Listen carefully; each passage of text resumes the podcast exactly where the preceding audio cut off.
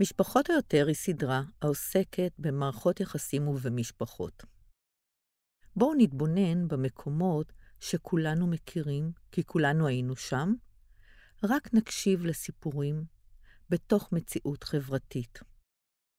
היום אני רוצה לדבר על מקום שכולם באיזשהו שלב בחיים נמצאים בו, אבל כולם רוצים לברוח ממנו.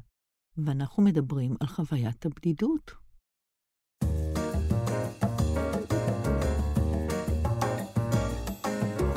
משפחות, או יותר.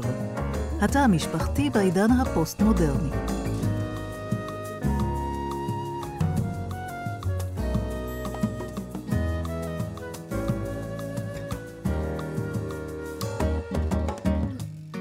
אני עמליה חציר, מטפלת זוגית ומשפחתית, לגמרי לבד איתכם בנושא של בדידות ולבד.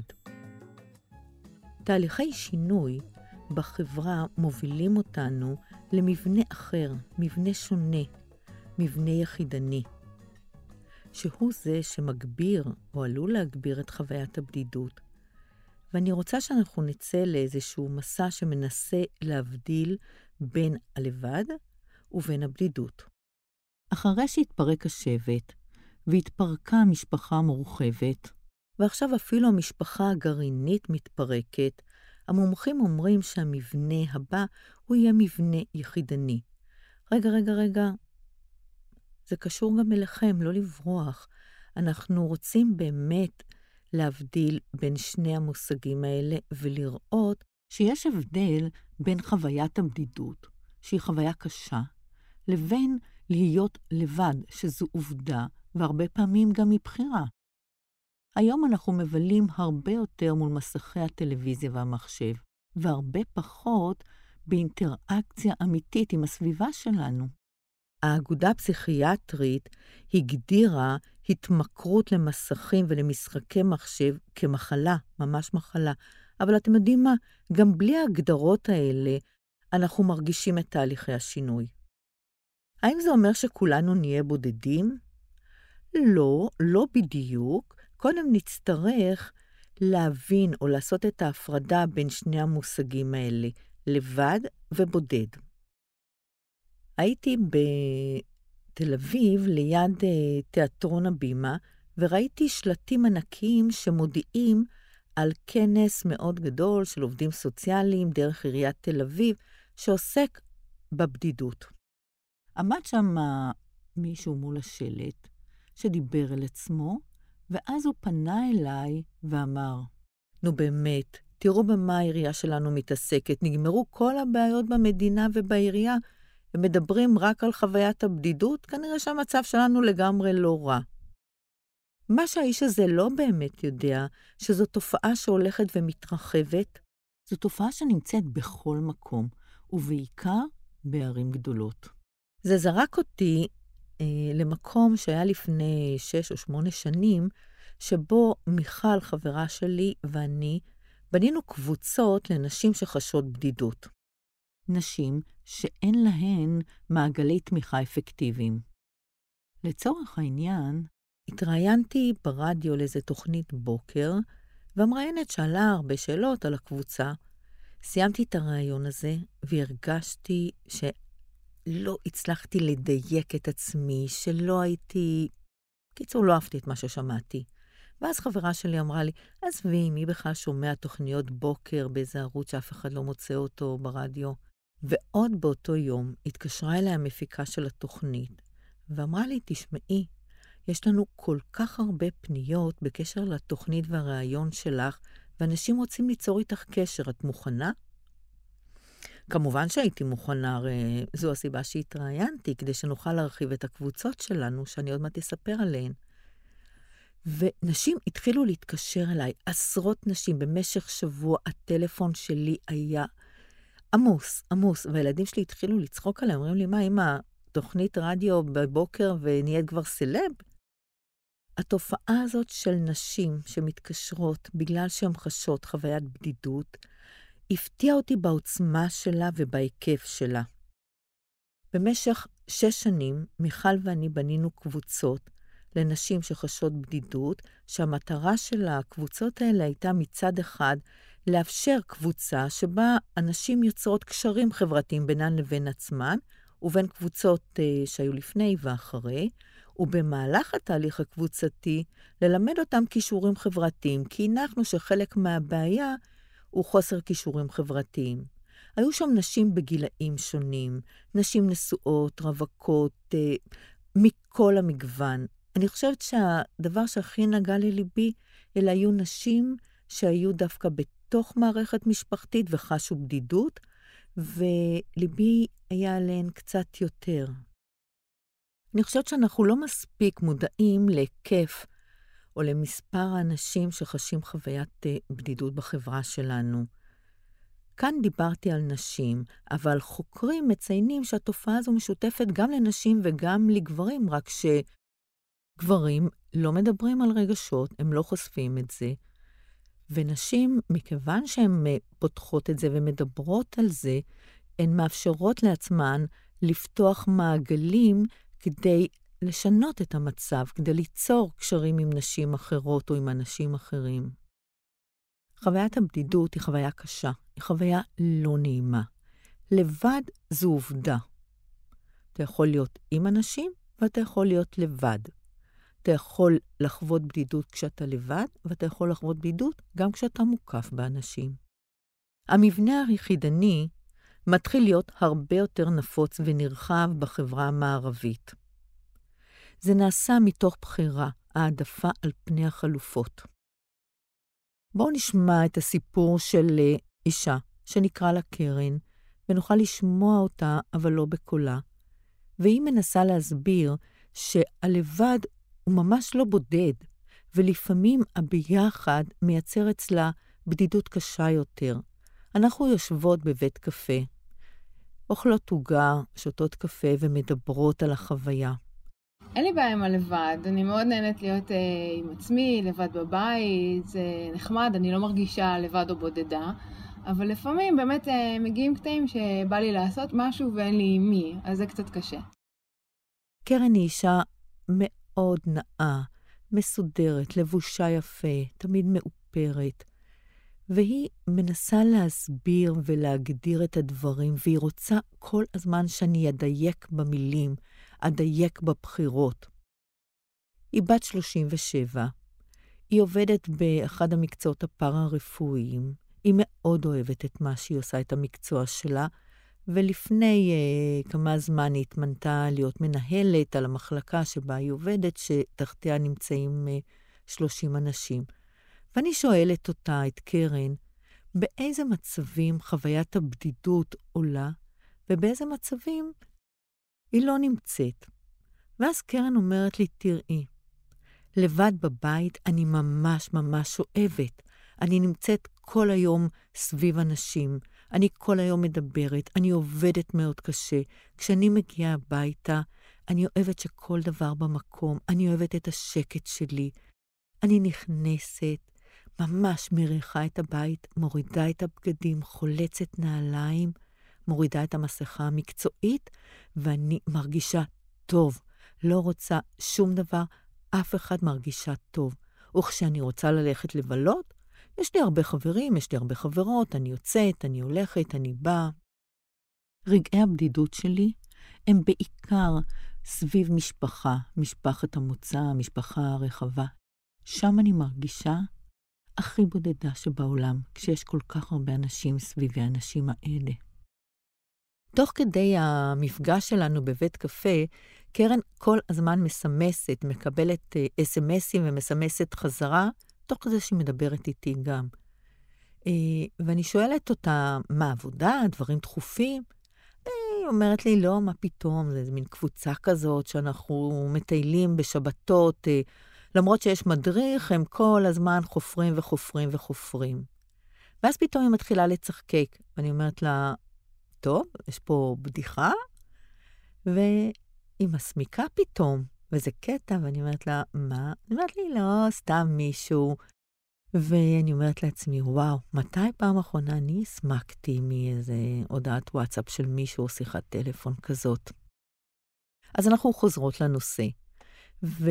קרן מספרת לי על אה, מצב שבאמת בו היא מרגישה בודדה.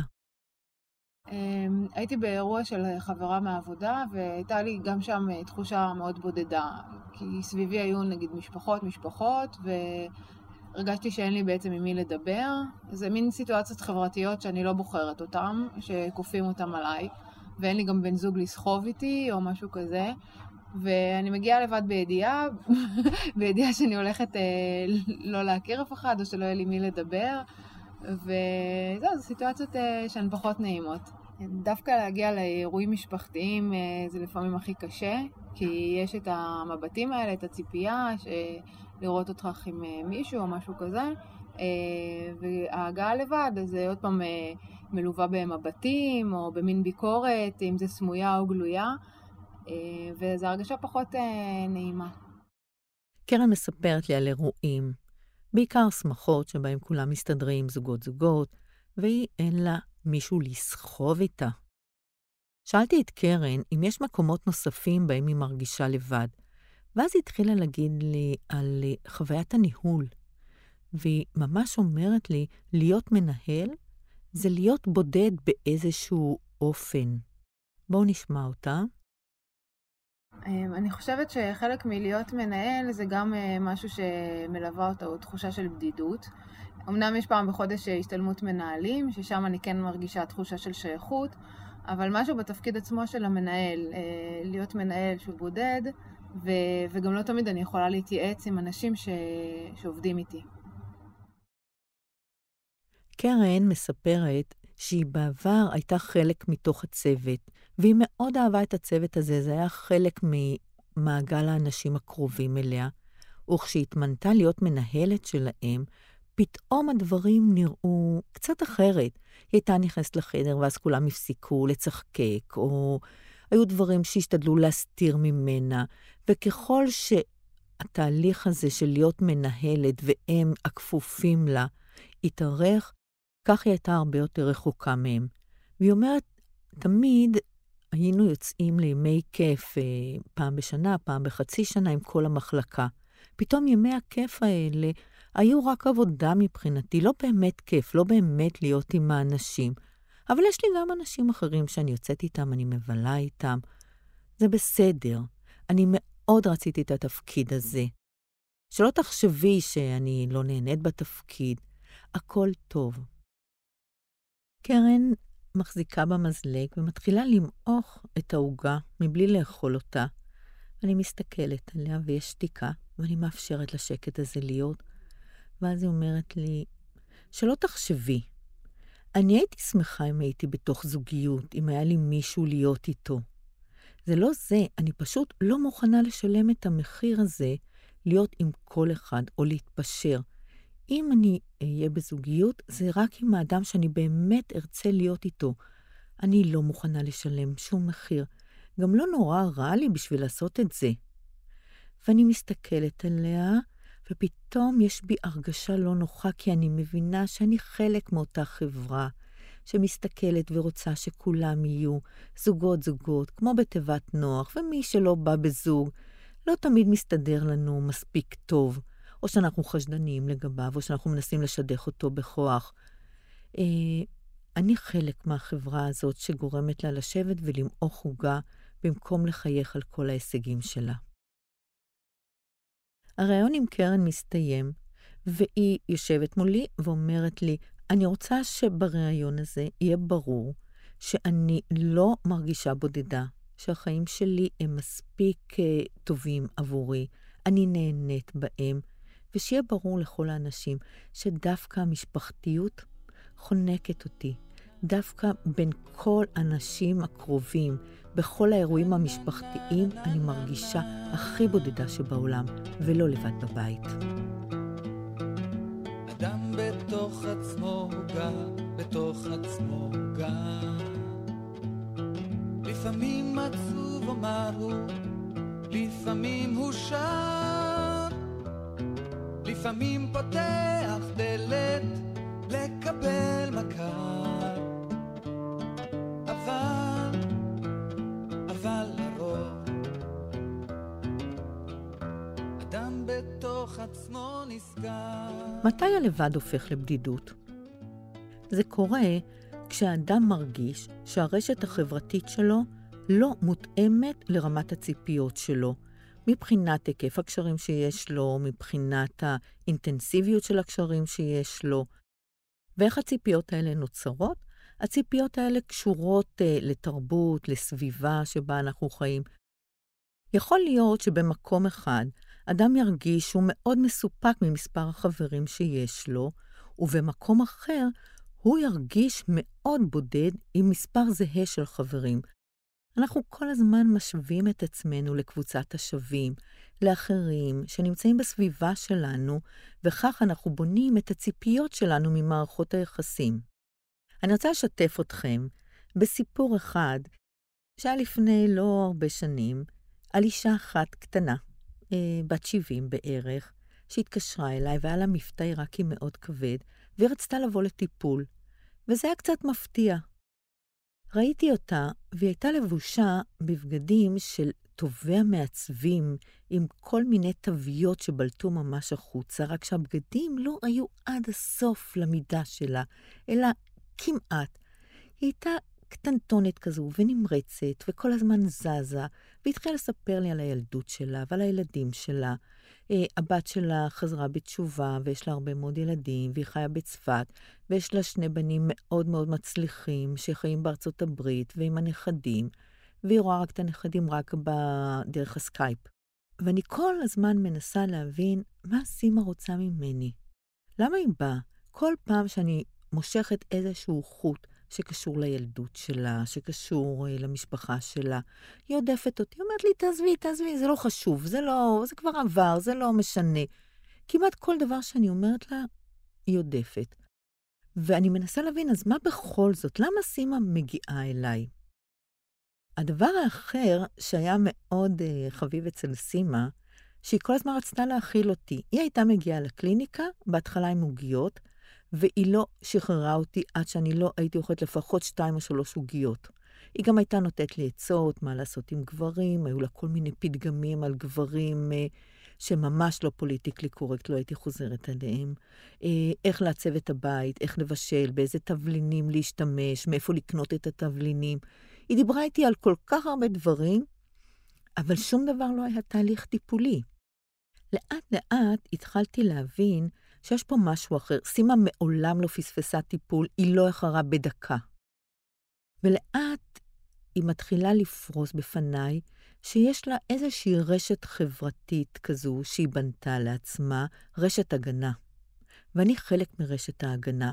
הפחד הכי גדול של סימה היה שהיא תיפול בלילה ואף אחד לא ידע ולא יבואו לחפש אותה בכלל. ואז היא שמה כל מיני אנשים כתורנים לבקרים שלה. אני הייתי אחראית על יום שני בבוקר, זו הייתה שעת המפגש הקבועה שלנו בשמונה בבוקר בימי שני. יום ראשון היה הירקן, היה את האיש מהמכולת, היה את הרופא. בכל יום בבוקר היה מישהו אחר שהיא דאגה להיות מאוד מאוד קבועה ומסודרת, ולמצוא את האנשים שהיא הייתה בטוחה שהם יבואו לחפש אותה אם היא לא תגיע. פעם אחת שאלתי את סימה על הבגדים שלה. ואמרתי לה, בעדינות, ככה, לא רציתי לפגוע. ואז היא התחילה לצחוק, היא אומרת לי, לקח לך הרבה מאוד זמן לשאול. ואז היא מצביעה על הארנק שלה, והיא אומרת לי, זה גוצ'י. ואני אומרת לה, גוצ'י, גוצ'י, מה זה אמיתי? את קונה גוצ'י, סימה? והיא צוחקת והיא אומרת לי, כל הבגדים שלי זה לא סתם גוצ'י, זה גוצ'י full price. הכלות שלי עושות תחרות, מי שולחת לי דברים יותר יקרים כדי שאני אלבש אותם. ואני, אני, מה יש לי לעשות עם הבגדים האלה, אומרת לי סימה, ותוך כדי כך היא מושכת את השרוול לתוך כף היד שלה ומנגבת את השולחן, שיש עליו פירורים של הקובה שאכלנו יחד לפני כן וקצת הכתמים של הקפה. זו לא פעולה סתמית, זו פעולת מחאה שסימה מאוד מודעת לה, והיא מנסה להראות לי ולעולם מה היא חושבת על אהבה שמורעפת וכל עצומת לב שניתנת דרך מותגים, דרך בגדים. והיא אומרת לי, אין לי אפילו לאן ללכת עם הבגדים האלה, תראי אותי. באיזשהו שלב אמרתי לסימה, אה, את יודעת מה? בואי ניפגש ככה. לא צריך טיפול, הרי אני לא באמת מטפלת, אנחנו לא עושים שום תהליך טיפולי. ואז היא אומרת לי, חס וחלילה, לא, מה פתאום? את עושה בובה של עבודה. בובה של עבודה, ותמיד היה לה את הצ'ק כתוב, מוכן, והיא הייתה שולפת אותו מהארנק. זאת אומרת, אני בחרתי אותך, לא רק בגלל שאת גרה קרוב אליי, אני בחרתי אותך כי יש לך לב. ואת תקבלי את הכסף. אני, יש לי הרבה, ואין לי בכלל למי לתת, אף אחד לא צריך. אחרי כמה זמן, סימה נכנסה לקליניקה שלי, והיא הייתה מאושרת, והיא באה ואמרה לי, זהו, אנחנו צריכות להיפרד. והסתכלתי עליה ואמרתי לה, אוקיי. ואז היא מספרת לי שהבת שלה בצפת הזמינה אותה לגור איתה, כי הילדים גדלו והבית אה, ריק עכשיו, והיא סידרה לה איזה יחידה לידה. ונורא שמחתי בשביל סימה, הייתה ממש מאושרת, התחבקנו. אה, ומדי פעם, ככה אני הייתי מוצאת על הידית של הדלת בקליניקה קופסה ארוזה מאוד יפה שהיו בה את העוגיות של סימה. וידעתי, סימה בסביבה, היא באה לבקר חברות והיא לא שכחה אותי. האוכלוסייה הפגיעה ביותר היא אוכלוסיית האנשים המבוגרים, ובמיוחד בארץ, כשהמבנה הוא כל כך משפחתי. להיות לבד בחברה שכולה מסודרת משפחות-משפחות זה לא פשוט. ויש משפחות שהילדים פשוט עוזבים את הארץ, עוברים למקומות רחוקים. והכפר הגלובלי הקטן הזה הוא ממש ממש רחוק מהמשפחה. אה, יש פרויקט שאני חושבת שהוא אחד הפרויקטים הכי הכי הכי מעולים ששמעתי עליהם, וזה פרויקט שנקרא מדור לדור, שהתחיל במכינת בני ציון בתל אביב. הפרויקט הזה לוקח צעירים ממכינה שהם לפני צבא, ומחבר אותם לאנשים מבוגרים שמרגישים בודדים. הצעירים האלה יושבים עם המבוגרים פעם או פעמיים בשבוע, הם הולכים בזוגות, משחקים איתם שח, הולכים איתם לטיול בפארק, קוראים איתם עיתון, עוזרים להם בדברים שהם צריכים. פשוט מתחברים אליהם. ויש פה איזושהי הפריה הדדית בין המבוגרים, בין הדור הקודם לדור החדש. הפרויקט הזה אה, הפך להיות פרויקט ארצי, ויש לו עוד הרבה מאוד פעילויות, כמו ניקיונות של בתים של אנשים מבוגרים לקראת חג הפסח, ארוחות של חג, ויש עוד הרבה מאוד פעילויות שהם עושים למען המבוגרים. הכי הכי חשוב בפרויקט הזה, לטעמי בכל אופן, הוא טלפון פתוח שיש לאנשים המבוגרים הבודדים בתל אביב, שהם יכולים להתקשר אליו, לנערים מהמכינה, ולדבר איתם, או להתלונן על דברים. לפעמים נשרפה מנורה, לפעמים מישהו דופק בדלת והם חוששים לפתוח, לפעמים משהו נשבר או התקלקל או יש הצפה, והצעירים האלה מגיעים אליהם 24 שעות ביממה, תוך כמה דקות, כי הם נמצאים בתוך תל אביב, ועוזרים להם. אפילו אם זה אזעקות שווא, אני זוכרת סיפור אחד של מישהו שהיא פשוט לא הרגישה טוב והתקשרה. הילד הזה ישב עם מישהי שיכולה להיות הסבתא שלו, שהוא לא מכיר אותה. לילה שלם בחדר מיון, להיות לידה, לעזור לה, להיות איתה. ואני אומרת, נכון, המבנה המשפחתי מתפרק, אנשים הופכים להיות בודדים, אבל הצורך של היחד או הצורך של החיבור יכול לבוא לידי ביטוי בדרכים אחרות, בצורות אה, שונות ומגוונות. אה, להיות לבד זה לאו דווקא להיות בודד. ואנחנו כאן נפרדים מהחלק הזה, אה, מהסדרה הזו, בפורמט הזה. אה, זה היה הפרק האחרון, ואני מאוד מקווה להמשיך ליצור ולעשות ולדבר איתכם ולספר לכם סיפורים על כל מיני אנשים. אנשים שנכנסו לי ללב, אנשים שאני אוהבת, אנשים שאני מכירה, ואני מקווה להיפגש איתכם גם בעתיד. תודה לאלעד לוין על העריכה הטכנית. הסדרה, משפחות או יותר, הופקה על ידי הספרייה המרכזית לעיוורים ולבעלי לקויות קריאה, המרכז לתרבות מונגשת עבור החינוכית.